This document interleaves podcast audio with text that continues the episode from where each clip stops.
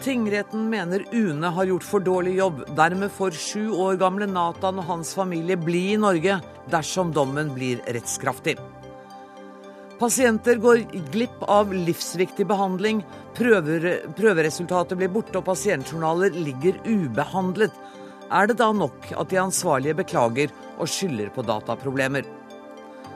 Vi gjør Norge raskere, sier regjeringen og er stolt over at togreisene på Østlandet skal gå fortere om elleve år.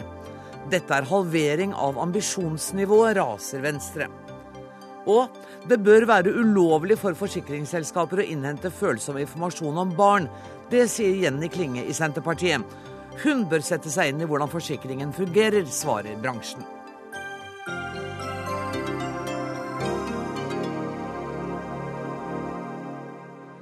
Dette er Dagsnytt 18-menyen. Litt senere i sendinga skal vi høre hvordan Nathans advokat vurderer tingrettens beslutning om å la gutten og hans eh, familie få bli i Norge.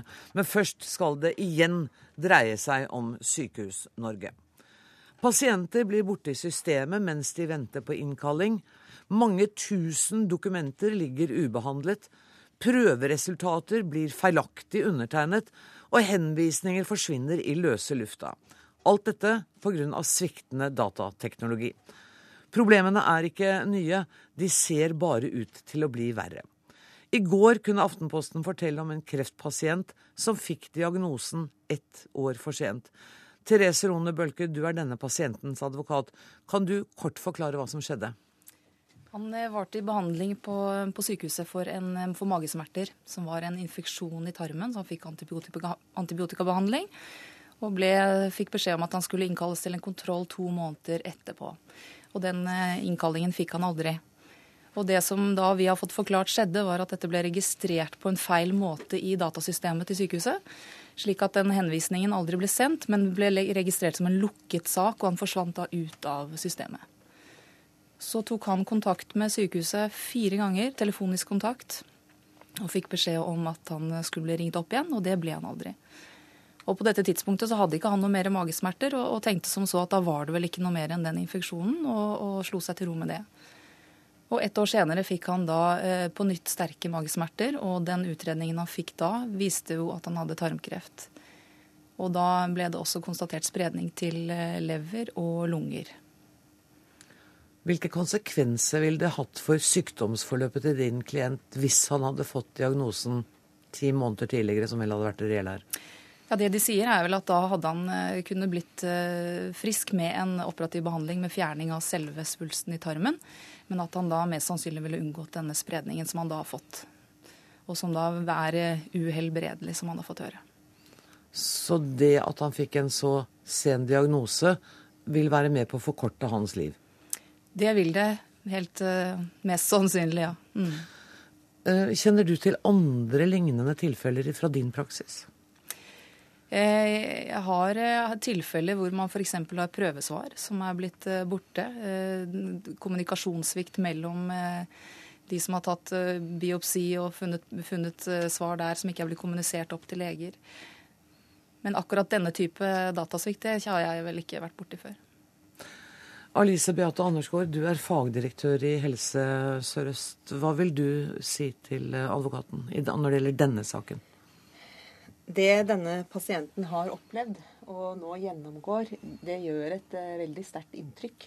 Uh, og det er klart at med hans historie, når den uh, ble klar for oss i august, så var det jo det som bidro til at vi fikk en forståelse, både vi og, og sykehusene, av hvor alvorlig dette var. Og vi har også da på grunnlag av dette satt i gang et stort arbeid for å forhindre at andre skal oppleve det samme.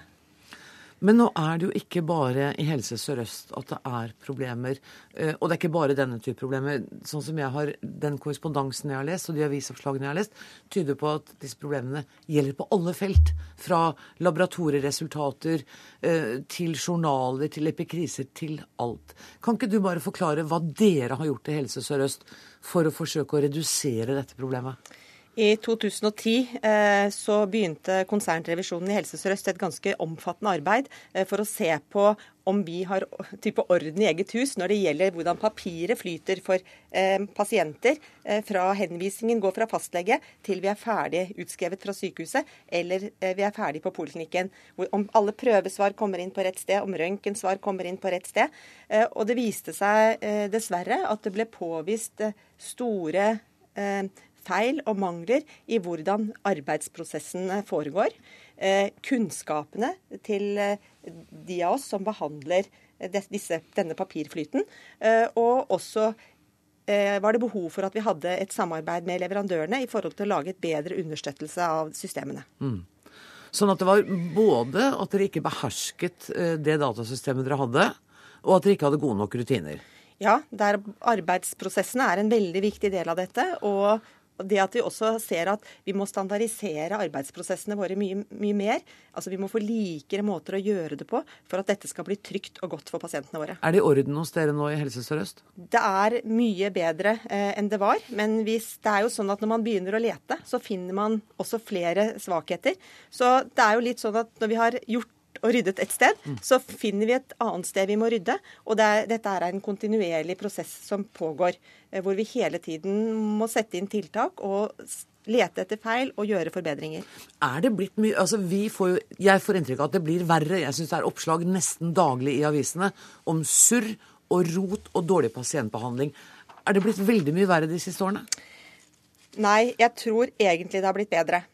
Og det går på at når, i gamle dager, altså før datasystemene kom, så tror jeg det var enda mer feil. Det som skjer nå, er at vi ser Vi kan putte oss inn i et fugleperspektiv, og så kan vi se feilene, eh, og så kan vi gjøre noe med dem. Og I tillegg så har vi heldigvis fått en åpenhetskultur som betyr at pasientene melder fra om feil, og helsearbeidere melder fra om feil. Og det gjør jo at vi kan eh, både avdekke feilene og sette inn tiltak for å forebygge at det skjer igjen, og gjøre forbedringsarbeid hele tiden. Vi er helt avhengig av at feil og avvik og uheldige hendelser kommer opp, sånn at vi kan jobbe videre med å forbedre systemene våre.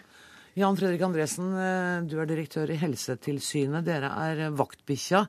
Eh, og jeg leste et brev som dere hadde sendt eh, til Helsedepartementet i 2011 eh, med liste over eh, en, en stort antall sykehus og de flytende dokumentene.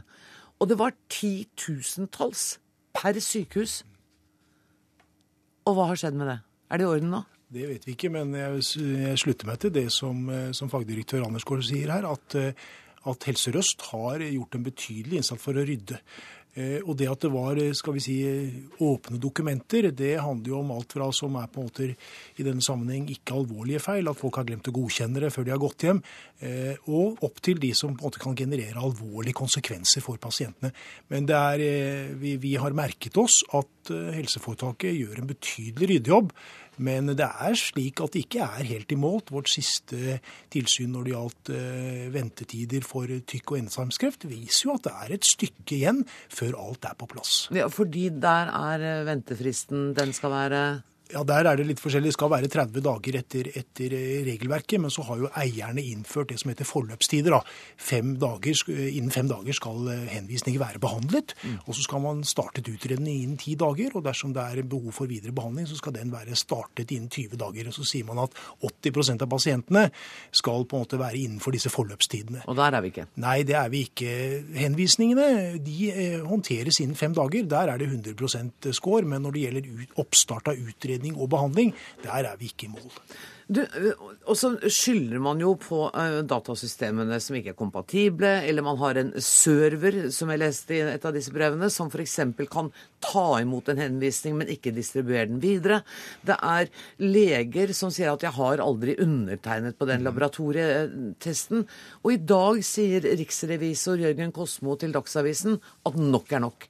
Nå må dere slutte å skylde på datateknologien. Ja, det er jeg enig Man kan ikke bare skylde på datateknologien, men det er et poeng at datateknologien ikke er eh, veldig hensiktsmessig utformet. Både når det gjelder funksjonalitet, som du var inne på nå, og det som kalles brukergensnitt. Hvor lett det er å bruke det. Det er lett å gjøre feil. Og Jeg kommer nylig fra klinisk virksomhet som sjef for en større klinisk avdeling. og det er klart at Når man skal opp igjen 15-20 tastetrykk for å legge inn informasjon i systemet, ja, da er det lett å gjøre feil, selv om man forsøker å gjøre sitt beste. Så det er et poeng, men det er ikke nok å skylde på datasystemene.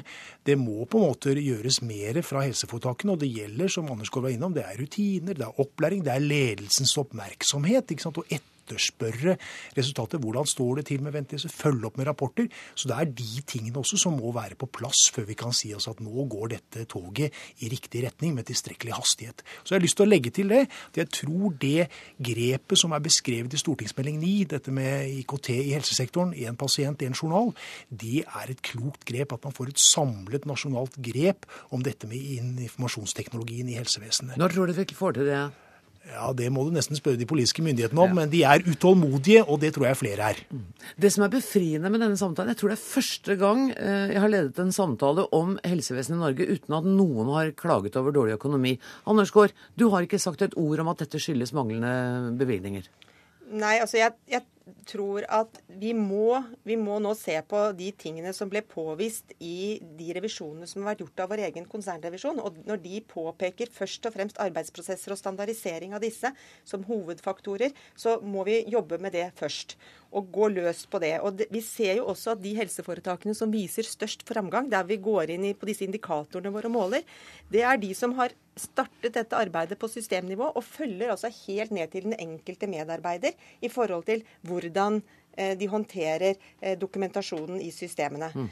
Eh, men det er klart at og så er det også det er en standardisering på flere plan.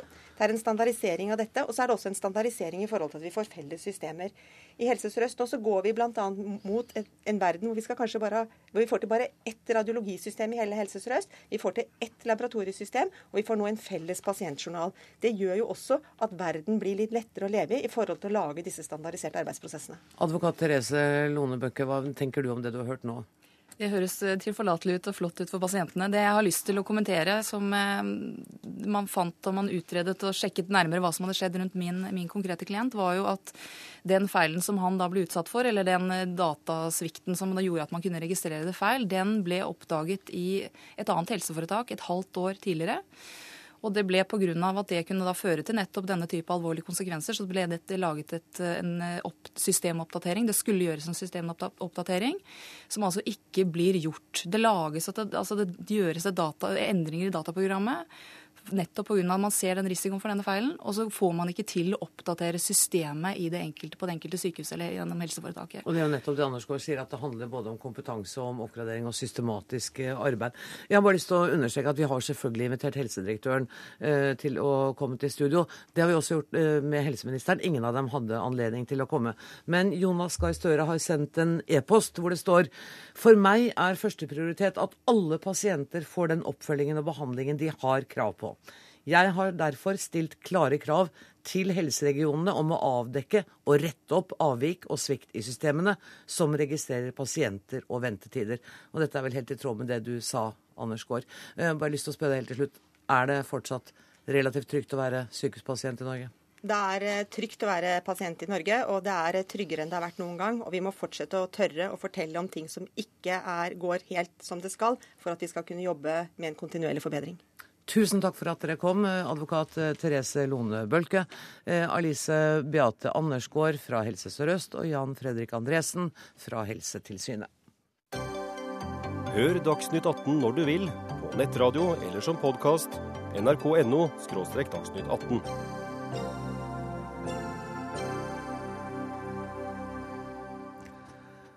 Om elleve år skal det bare ta en time å reise med tog fra Oslo til Hamar, Fredrikstad eller Tønsberg. Men når de raske togene kommer til resten av Østlandet, det er fortsatt i det blå. Det kom fram da regjeringen i dag lekket deler av Nasjonal transportplan. Og samferdselsminister Marit eh, Arnstad, du er vel fortsatt på budsjettkonferansen, går ut fra. Hva går denne planen ut på? Nei, Den går jo ut på at Eh, i løpet av 2024 så skal da Tønsberg, Fredrikstad og Hamar få det få dobbeltspor, og dermed også betydelige reisetidsreduksjoner inn til Oslo. Eh, I løpet av 2026 så skal dobbeltsporet forlenges til Sarpsborg, og da skal det også bygges krysningsspor eh, knytta til Vestfoldbanen og Dovrebanen, som gjør det lettere å få både frakta gods og også reisetidsgevinster. Og så skal det i 2030 ha som mål å ha en ferdigstillelse av hele intercitytriangelet til Lillehammer, Skien og til Halden. Men hvorfor satte dere ikke i gang hele intercityprosjektet med en gang? Men det er jo det vi gjør. Nei, dere gjør jo ikke det. Dere sier jo at når det gjelder Halden og Skien og Fredrikstad, så er det 2030. Ja, og det er fordi at vi gjennom klimaforliket ble bedt om å lage en framdriftsplan for utbygging av intercity, og det er jo det vi på en måte kvitterer ut nå. Det er en handlingsplan som sier at du starter innenfra og bygger utover, og det tror jeg er fornuftig. Sånn begge... Og den, den, sier da 2024 for det indre, og så sier den 2026 for Sarpsborg og enkelte av krysningssporene. Og så sier den 2030 for eh, fullførelsen av hele intercitytriangelet. Ola Elvestuen, du er nestleder i Venstre, og du har sagt at dette er en eh, halvering av ambisjonsnivået. Er det det?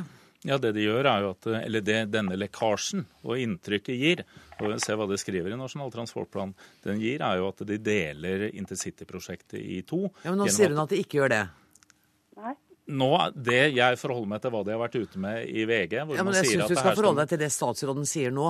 At her skal man bygge til, til uh, Hamar, Tønsberg uh, og, og Fredrikstad i første runde.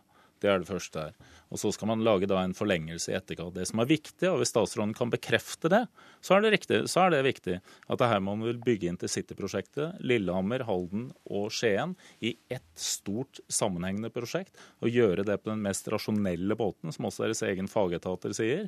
At dette bør gjøres i løpet av 13 år. Hvis det er det de kommer med i Nasjonal transportplan, så er det interessant hvis eh, samferdselsministeren kan bekrefte. Statsråd, oppklar dette her for meg. Jeg kan love Elvestuen at det vil bli gjort på en mest mulig rasjonell måte. Eh, og også sånn at den straks NTP er behandla, vil gi Jernbaneverket i oppdrag å lage en utbyggingsstrategi for hele intercitytriangelet. Eh, men det er åpenbart at eh, de delene av triangelet du blir først ferdig med, det er de delene som går til Fredrikstad, Tønsberg og Hamar. Det er 2024. Så vil du være ferdig med dobbeltsporet til Sarpsborg i 2026. Og også ha mulighet til å gjøre en del ting på Dovrebanen og Vestfoldbanen som gjør at du får raske, altså reisetidsgevinster også i 2026. Og så er det da vår ambisjon at du skal ha ferdigstilt hele triangelet til 2030. Ja, for det er jo viktig hva man egentlig snakker om her. For den indre delen det er jo et prosjekt på ca. 30 milliarder. Hele prosjektet er mellom 120 til 150 milliarder om du tar med Oslotunnelen eller ikke. Og det er helt klart, Skal du få, skal du få effekt ut av intercitytriangelet, så er du nødt til også å ta med Oslotunnelen. Det er også veldig uklart om, om man ønsker å, å gå videre med. For det som skjer hvis du bare bygger denne til Hamar, Fredrikstad, Tønsberg, er at du vil få en forlengelse av lokaltogene inn mot Oslo.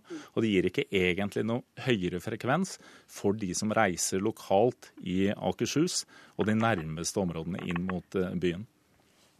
Arnstad? Ja, jeg syns egentlig at Elvestuen skal glede seg litt i dag jeg, over at regjeringa legger frem den framdriftsplanen som Stortinget i klimaforliket var enige om at du skulle legge frem. Eh, og nå varsler vi de ulike tidspunktene vi mener at en skal fullføre de ulike delene av intercitytriangelet. Så er jeg enig i at på sikt så er også, også Oslotunnelen en utfordring. Um, den er ikke ut, altså en, et nytt løp i Oslotunnelen er ikke utreda. Og det er noe av de tingene en må sette i gang med uh, ganske raskt. Nemlig å få en, en mer samla utredning av hele kapasitetsproblematikken i Oslo-området. Uh, fordi jeg ser også at når du har bygd mer enn ut til Hamar, Fredrikstad Tønsberg, så blir det kapasitetsproblematikken et ganske stor utfordring som også må adresseres. Ja, fordi kapasitetsproblemet er der allerede i dag. Eh, det er sprengt i Oslotunnelen, og det må ikke være noen en diskusjon om man skal bygge en ny eh, Oslotunnel. Dette handler kun om hvordan man skal få det til. Der er det et samarbeid med Oslo kommune og Samferdselsdepartementet om en konsekvensutredning. Det vi nå venter på, er at departementet skal lage en konkret eh, bestilling. Og Dette er også ting som du må ha svar på når det kommer i Nasjonal transportplan. Er Oslotunnelen en integrert del av av intercityprosjektet, og det må være hele intercityprosjektet. Det er først når det er på plass at du har et fullverdig og nytt transportsystem med jernbane i, på Østlandet som gir en helt annen kvalitet og kapasitet enn det vi har i dag. Du sa vel det, Arnstad, at Oslotunnelen ikke er en del av dette nå? Nei, altså den, det, det, der er det fortsatt ting som må utredes. Jeg blir litt overraska over Elvestuen hvis han nå mener at vi nå skal sette ting på vent i intercity for å vente på en utredning om Oslotunnelen. For Poenget er jo at, at intercityprosjekt for 20 milliarder kroner allerede er under bygging, eh, bestemt av denne regjeringa her. Og vi kan jo ikke sette dem på vent. Vi må jo fortsette å bygge de strekningene eh, som er under bygging. Og så må vi selvsagt også eh, ha en full gjennomgang av kapasiteten i Oslo-området. Og Det er jeg helt enig i at det er nødvendig mm. før du går videre fra de strekningene innerst mot Oslo og utover. Ja, du må bygge. Eh, men, men, poenget er at Elvestuen får det her til å høres ut som om han har tenkt å sette en brems på hele greia. sånn at du Det er ikke mitt inntrykk, det. Han virker veldig utålmodig her han sitter. så jeg ja, tror ikke han har lyst til å vente på noe. Ja, men da tror jeg faktisk han må akseptere at du fortsetter å bygge de strekningene du allerede er i gang med. Du går videre en, langs en utbyggingsstrategi som angår intercity, og så utreder du også kapasiteten i Oslo-området. og Det må du Men, gjøre på en skikkelig måte. og Det er jeg helt enig i. Så seint som i 2010 så var Kleppa ute med at regjeringen ville gå for en full intercity-utbygging. Nå ser vi at man i hvert fall deler prosjektet i to. Det jeg er opptatt av, er at her tar man ett stort prosjekt, sånn at vi ikke fortsetter på en sånn stykkevis og delt utbygging som det, det man har gjort til nå. For vi skal huske på at de, de indre delene av intercity-prosjektet, det som gjenstår der, er ca. en tredjedel andel. Det er litt over 100 km som det er snakk om her, fram mot 2024. Eh, det store løftet handler også om hvor lange strekninger med enkeltsporet jernbane er. Er, er ytterstrekninger mot Lillehammer, Skien og, og eh, Halden. Og dette må gjøres på ett grep, sånn at du også får de store aktørene internasjonalt til å være interessert i å være med på denne utbyggingen. Der fikk du siste ordet, Ola Elvestuen, nestleder i Venstre. Og takk også til Marit Arnstad, samferdselsminister. Og ikke overraskende fikk vi ikke løst jernbaneproblemet i dag heller. Takk for at dere kom.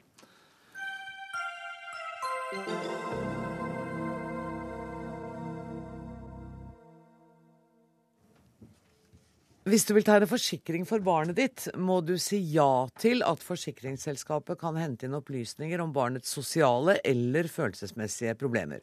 Om det har vanskelig for å skrive og lese, om du sliter med konsentrasjonen på skolen, det skriver Aftenposten i dag. Og det er uhørt, sier du, eh, Jenny Klinge, medlem i justiskomiteen for Senterpartiet. Hva er det som opprører deg ved denne praksisen?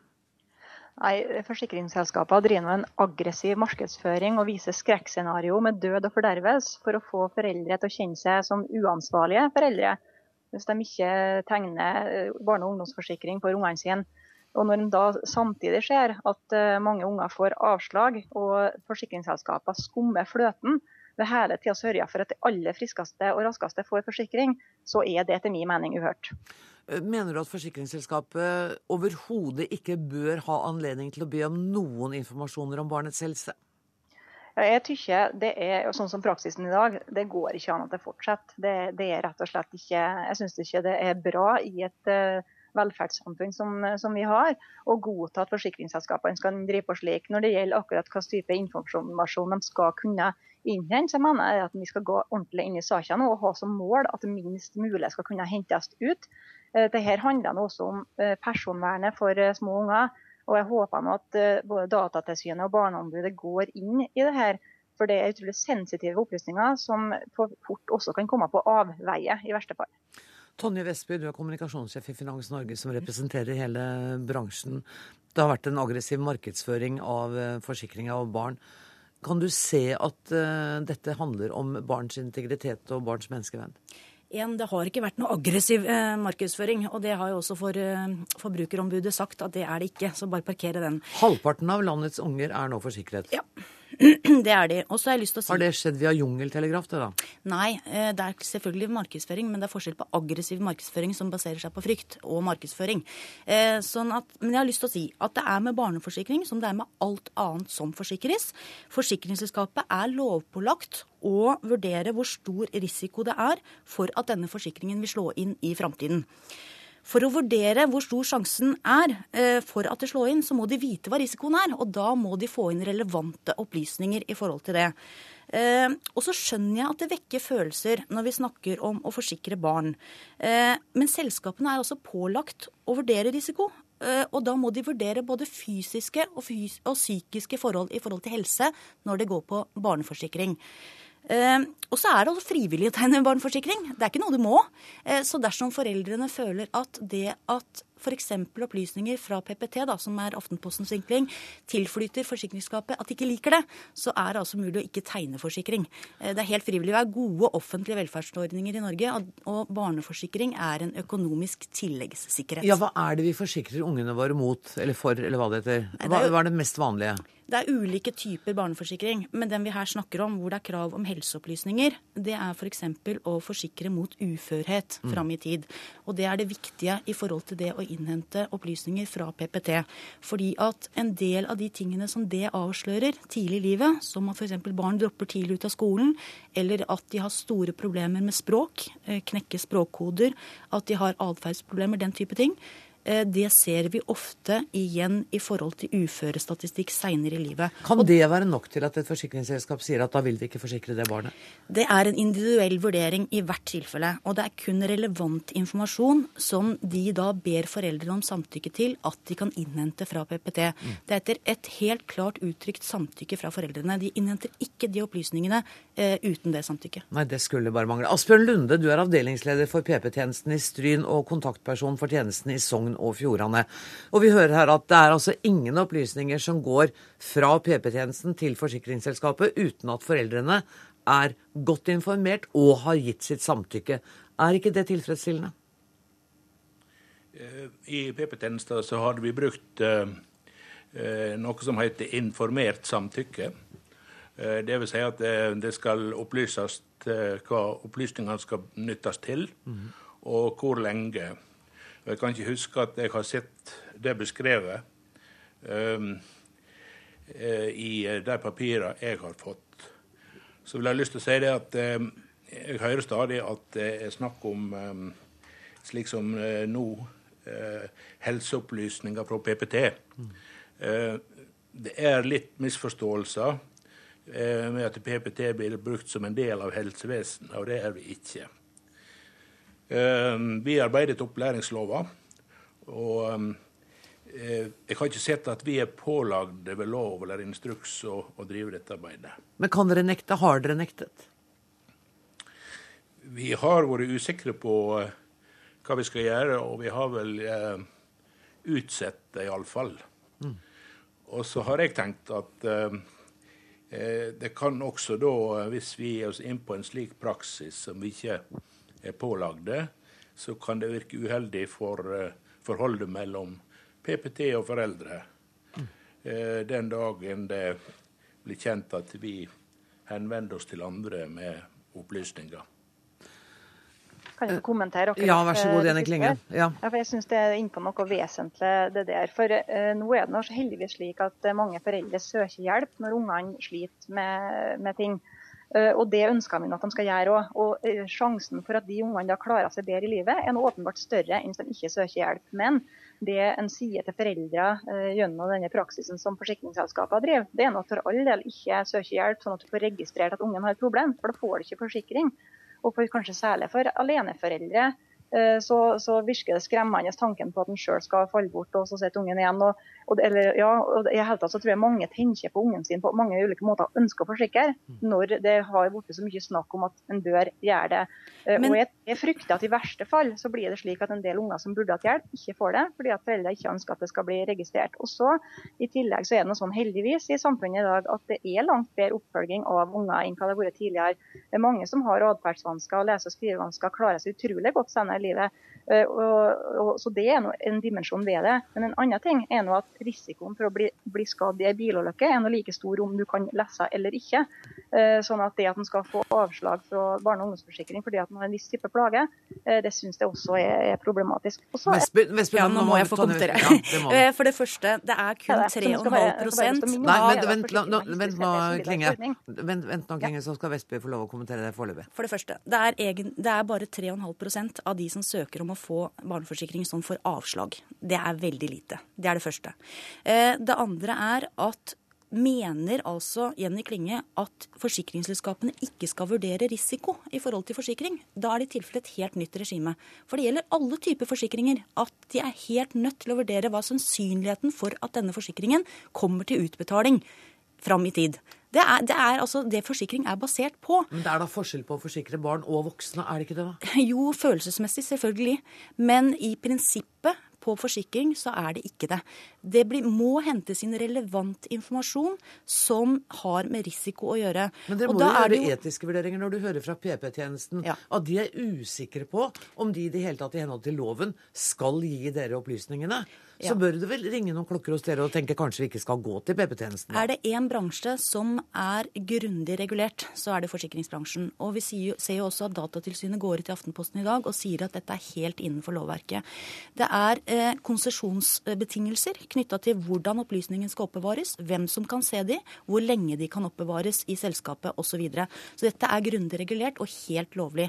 Eh, og det gjøres kun av én grunn. Det er å vurdere risiko, og det er kun relevant informasjon i forhold til risikoen som skal eh, hentes inn etter samtykke fra foreldre. Klinge. Jeg fikk et spørsmål, ja. Jeg fikk et spørsmål om de skal vurdere risikoen. Ja, selvsagt kan de gjøre det. Men når det gjelder barne- og ungdomsforsikring, så syns jeg at forsikringsselskapet skal akseptere en mindre margin. Rett og slett at de skal tjene rått med penger på å forsikre de ungene som kanskje ikke trenger det så mye. Da. Eh, og skum fløten av markedet på den type forsikringer syns jeg ikke er rett. Og så er, det, og så er det poeng at det, ja, det er greit nok at det er ifølge lovverket, men spørsmålet er da om lovverket er rett.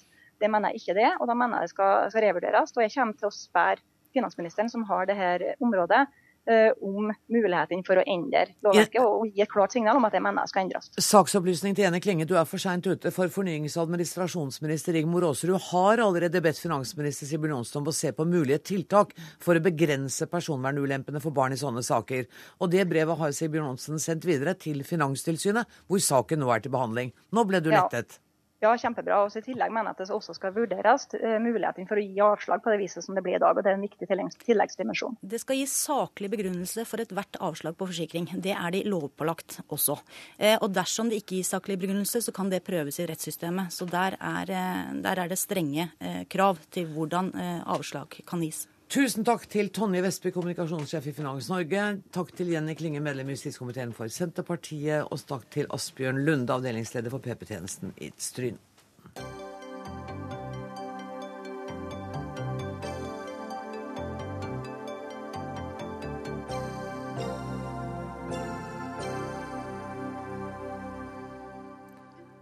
Flere nyhetsoppslag karakteriserer det som full seier til sju år gamle Nathan etter at eh, Oslo tingrett i dag har eh, sagt at Utlendingsnemndas vedtak om å sende Nathan ut av Norge er kjent ugyldig. Nathans foreldre gikk til søksmål mot Utlendingsnemnda da de i fjor ga endelig avslag på gutten og familiens søknad om beskyttelse og opphold i Norge.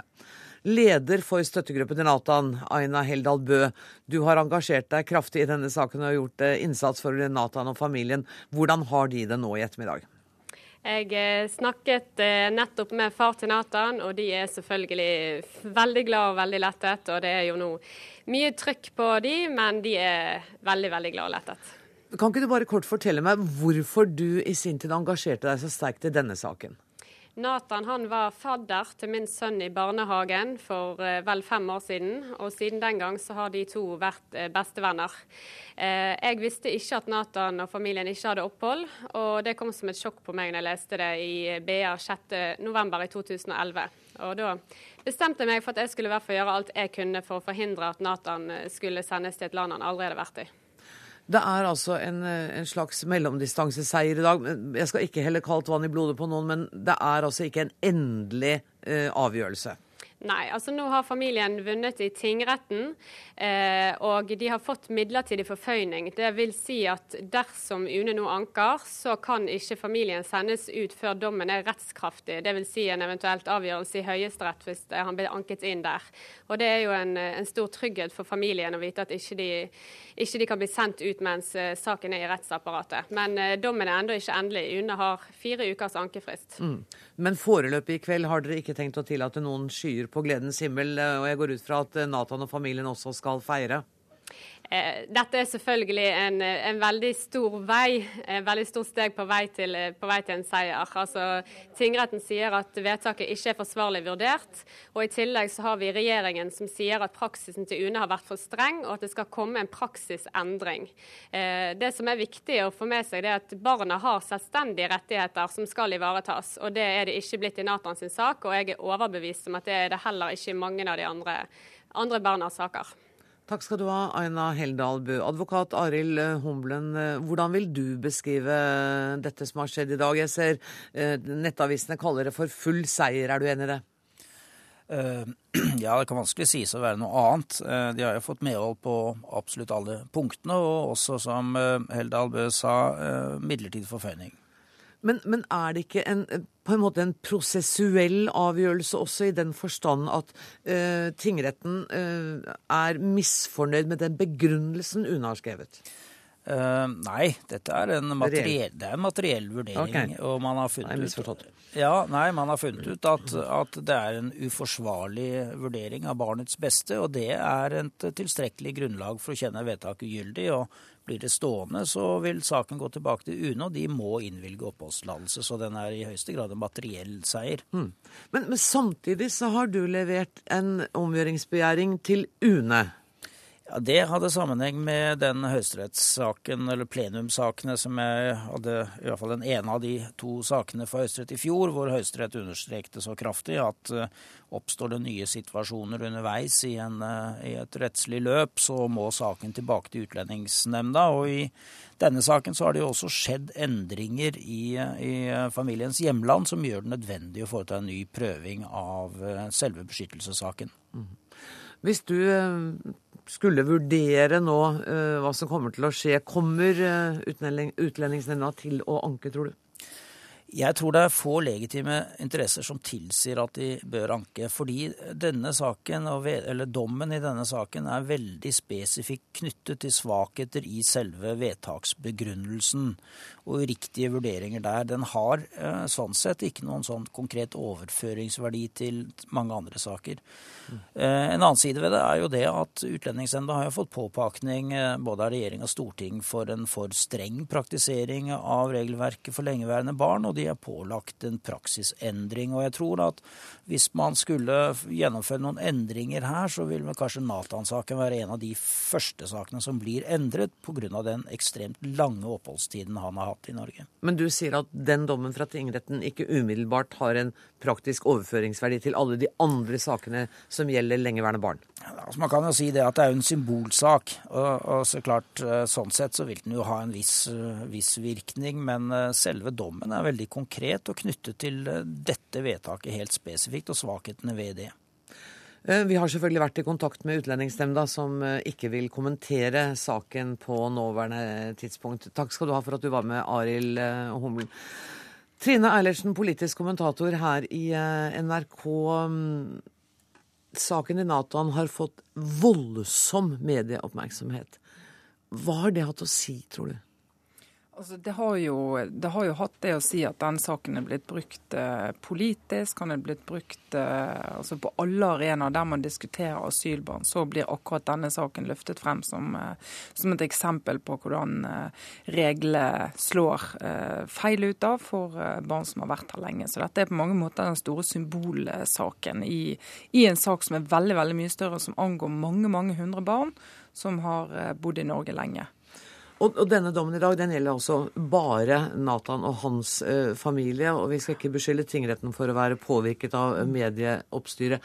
Men regjeringens kritikk av UNE og UNEs praksis når det gjelder disse sakene, den er vel kanskje et resultat av både den politiske og den uh, mediemessige oppmerksomheten?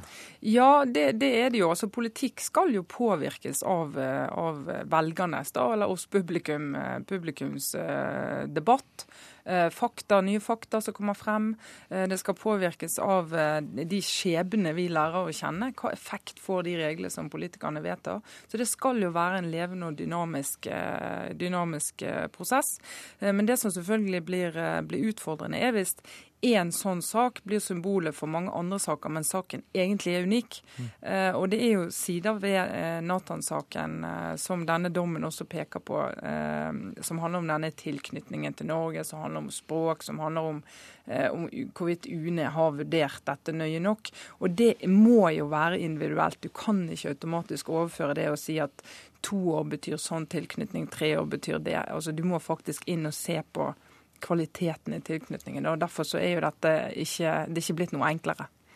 Eh, Nathan-saken har vært utgangspunkt også for store fjernsynsdebatter. Det at han nå i hvert fall foreløpig og inntil dommen er rettskraftig får bli i Norge, vil det gjøre at hele spørsmålet rundt lengeværende asylbarn blir borte igjen? For nå har vi sett denne saken, og så glemmer vi litt de andre. Mm.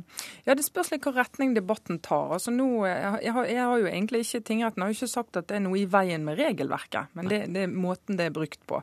Eh, og måten vedtaket er gjort på. Det er det som er feil. Men det er klart, ved siden av den uh, diskusjonen om regelverket, så har du denne anvendelsesdiskusjonen. Ja, vi har et regelverk, det er politisk flertall for det. Det er flertall i Norge blant velgerne for det, hvis du ser på hva partier de stemmer på. Men hvordan anvendes dette regelverket? Og Den diskusjonen er jo ikke ferdig, for her er det skjønn for det det handler om mennesker.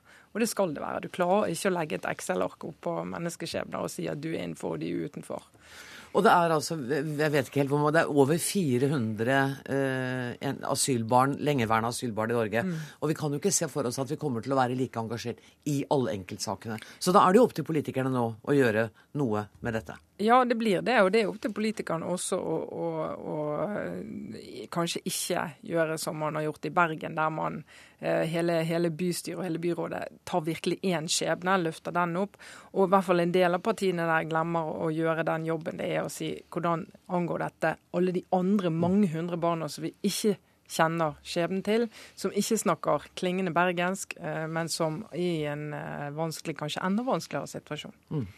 Vi eh, får håpe at vi har bidratt til å huske på dem også, at vi minnes det òg. Tusen takk for at du kom, eh, Trine Eilertsen.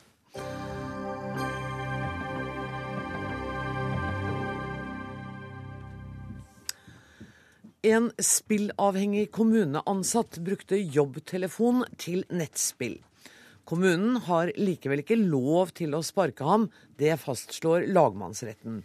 Og hvor går egentlig grensen for arbeidsgivers mulighet til å kvitte seg med medarbeidere? Advokatfullmektig i advokatfirmaet Føyen, Tina Storsletten Nordstrøm. Eh, denne saken fikk deg til å reagere i en, og i en kronikk i Dagens Næringsliv. Eh, hva er det du reagerer på?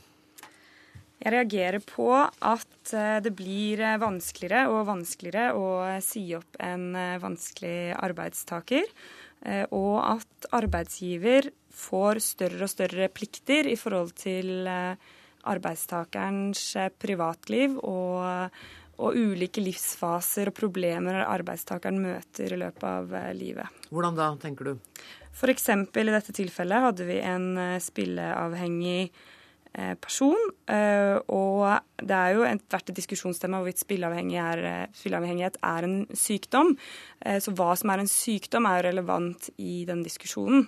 Men du sa at, at, at, arbeidsgiver får mer og mer ansvar for arbeidstaker i et, et, livsløp og alt som skjer i løpet av et liv. Hvis vi ser bort fra denne spilleavhengigheten, hvilke andre krav er det du ser er blitt strengere til arbeidsgiver i det siste?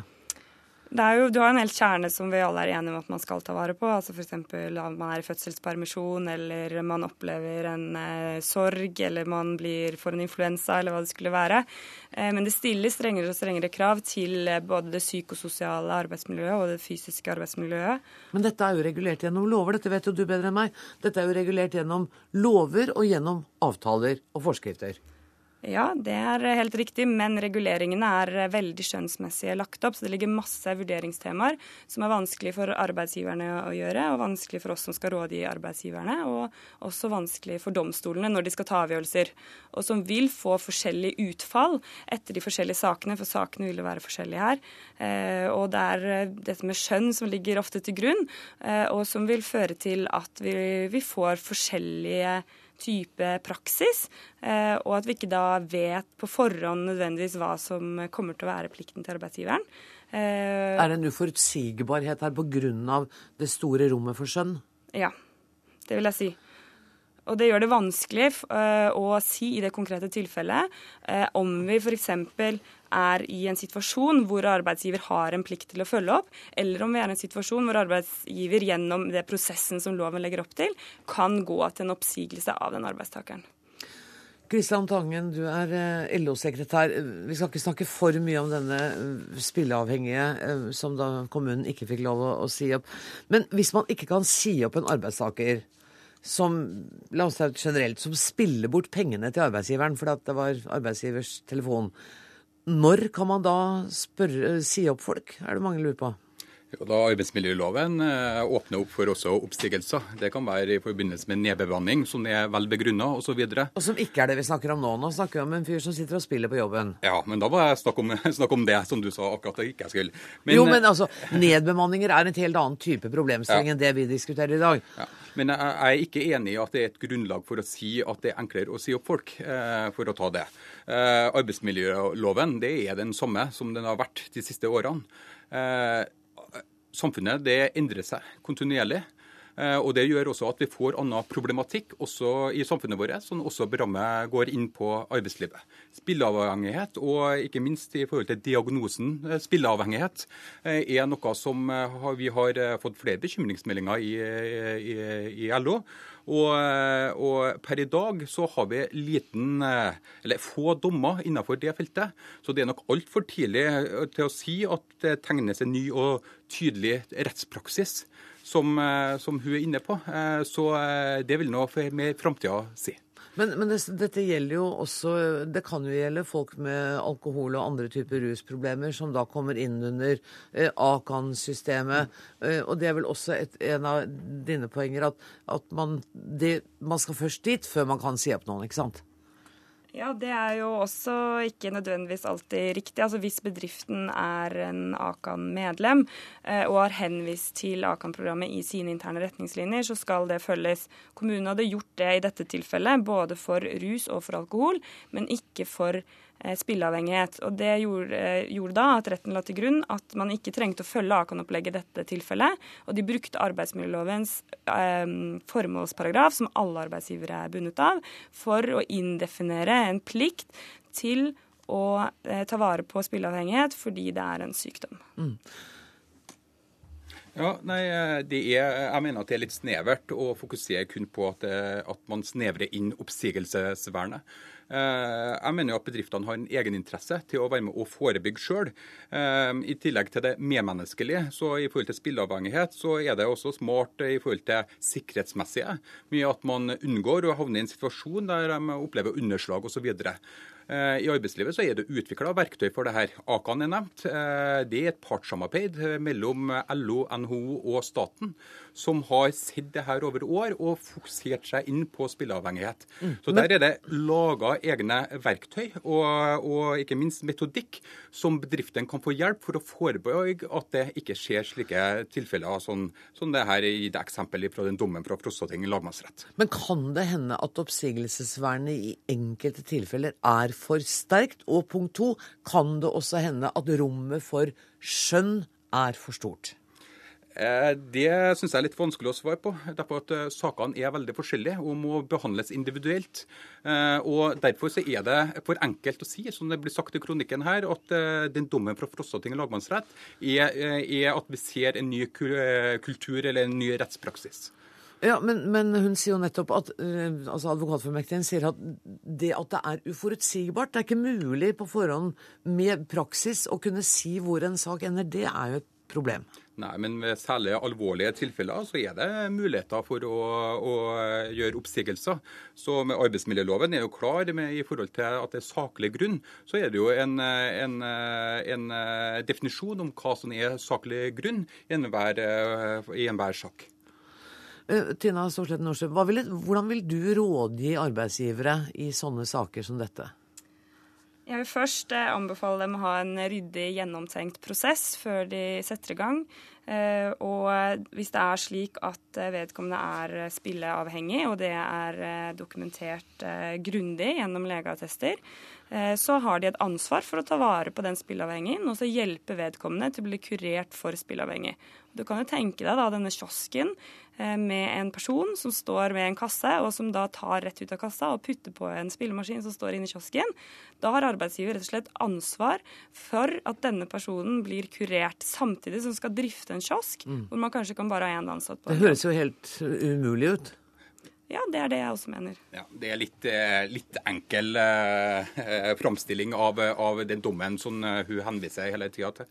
Eh, det er nok litt mer sammensatt enn som så. Og så tror jeg også det er viktig å huske på når vi snakker om spilleavhengighet, at det er ikke manglende selvkontroll vi snakker om. Vi snakker om faktisk noen som har en medisinsk diagnose, som man har kriterier for å definere ut, og tar lovverket i bruk ut fra det. Men, men det Storsleden Nordstrøm snakker om, er jo at det generelt er blitt vanskeligere for arbeidsgivere å kunne si opp folk. Det, det gjaldt ikke bare spilleavhengige. Og det mener jeg ikke det er noe grunnlag for å si. Mens du mener at det er det? Ja, jeg mener at, eh, at, vi ser en praksis hvor det på det individuelle grunnlaget blir eh, strengere og strengere. Arbeidsgiver må trå meget forsiktig i hva de sier opp eh, en person på grunnlag av. De er helt avhengig av en ryddig og god prosess hvor de dokumenterer alle feiltrinn en arbeidstaker eventuelt tar i løpet av et et arbeidsforhold. Eh, og selv om de har gjort det, så vil de ikke være sikre på at den dommeren i Oslo tingrett eller Frostanting lagmannsrett mener det samme som dem når de sitter og skal vurdere om hvorvidt dette var saklig eller ikke. Her er det for mye individualitet også hos den som vurderer, som kommer inn i bildet. Mente altså Tina Storsletten Nordstrøm, som er advokat for Mektig, og jeg sier også takk til deg, Christian Tangen fra LO.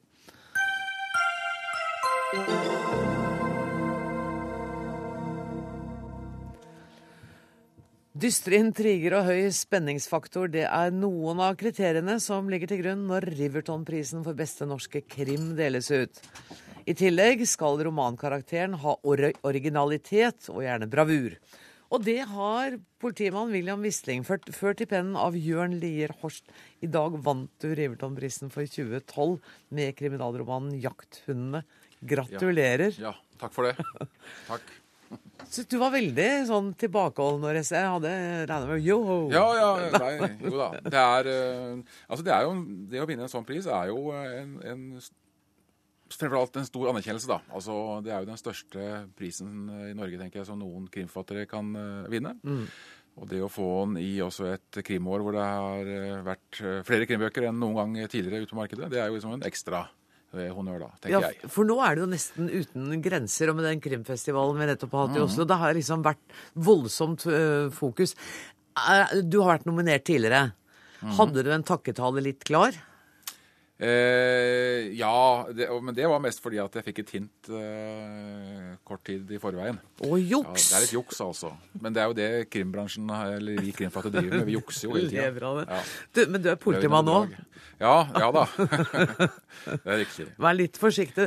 Du, eh, Riverton Blisen, har, har, du lest mye Sven Elvestad, du, eller?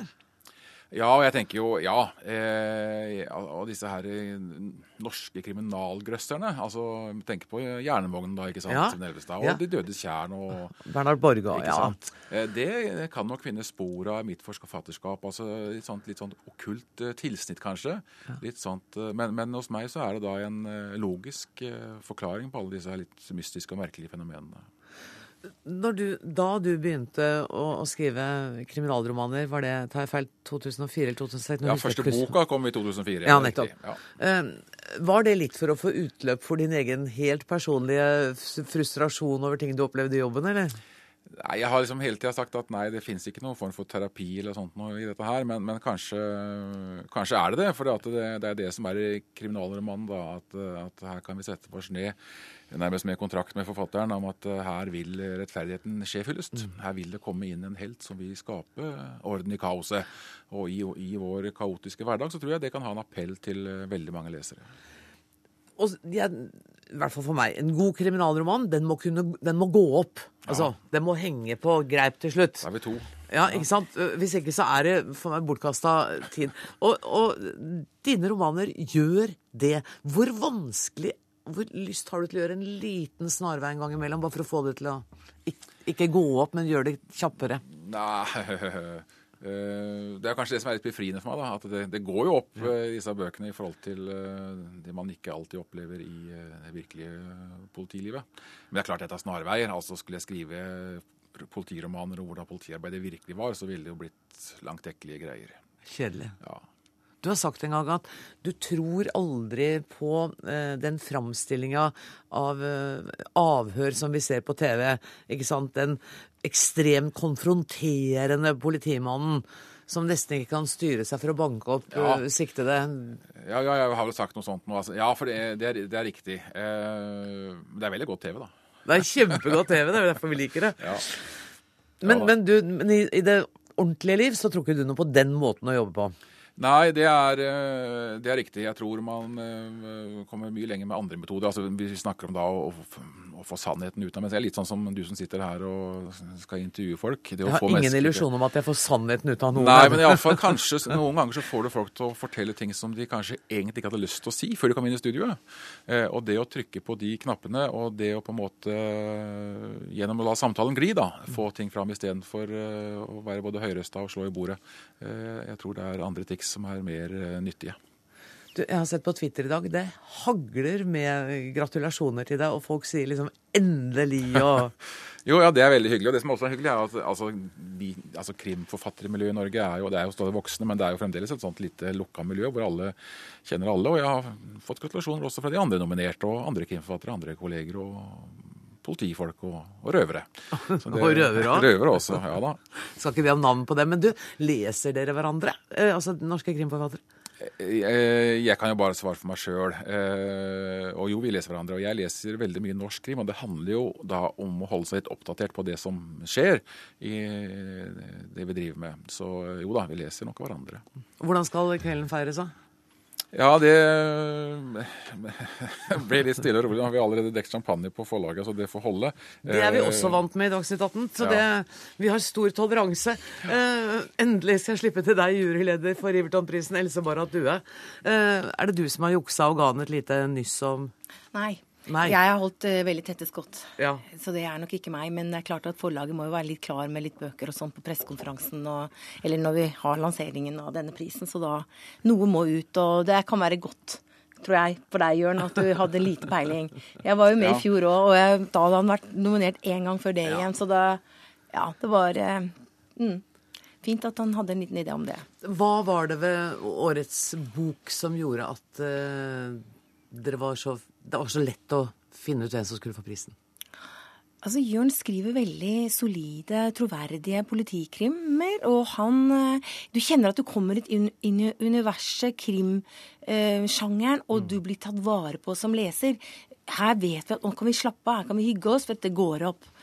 Eh, så er det det at eh, han kan jo veldig mye om dette politiarbeidet, selv om du ikke gjør det så kjedelig som, som, som politiarbeidet er, så føler man at man får veldig innsikt, kommer under huden på dette.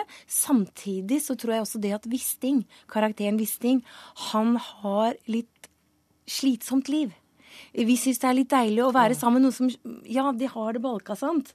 Og det tror jeg egentlig vi liker, akkurat som Hva er det de har det, sa du? Balkasomt. Har de det, ja? ja. Nei, Gud, litt slitsomt. Heldigvis har ikke jeg det, nei. nei. nei. men altså, han strever litt på hjemmefronten. Han går rundt litt i sine verdener, og han er ikke en sånn tøff James Bond-type, så han er veldig lett uh, gjenkjennbar for mange. Så bøkene dine er jo veldig populære. Og det tror jeg også fordi at uh, folk slapper av med visse ting. Noen ganger så har jeg lyst, hatt lyst til å spørre Jørn om en ting, for at Jørn er jo da en god del yngre enn karakteren sin. Så tenker jeg på hvorfor har du gjort han i den alderen, det? Og jeg har alltid hatt lyst til å spørre deg om. Ja, det er riktig. Han er jo en halv generasjon eldre enn meg sjøl. Ja. Det var jo fordi at nettopp jeg venta at noen skulle sammenligne han med meg. da, Så for å skape litt avstand, rett og slett. Så det er klart at Ja, altså de øh, Det å jobbe i politiet er jo et sånt veldig godt både utgangspunkt og Eh, utkikkspunkt da, mot resten av samfunnet og mot det å skrive kriminalromaner. For, for krimbøkene handler jo om det som skjer rundt oss, i samfunnet rundt oss. Og det som ikke fungerer i samfunnet, det havner fort på, eh, på eh, politiets bord. Og Det kan jeg ha mange meninger og tenke mye om, men så er jeg jo også en del av den utøvende myndigheten. da, Utøvende makt. Og i den rollen så tenker jeg at det er ikke, ikke riktig at jeg skal skrive kronikker eller mene så veldig mye om det i offentligheten. Og så lar jeg heller min stemme kommer fram gjennom William Wisting. da. Men nettopp for å skape avstand, da, så har jeg gjort den litt eldre og litt Hva kalte du for noe? Bak? Nei. det var et ord jeg Glemmer det.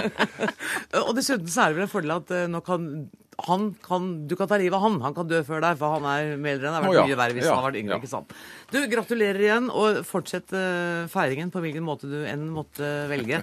Jørn Lier Horst, som altså er årets vinner av Riverton-prisen. Og takk også til Else Barrat Due, som sitter i juryen.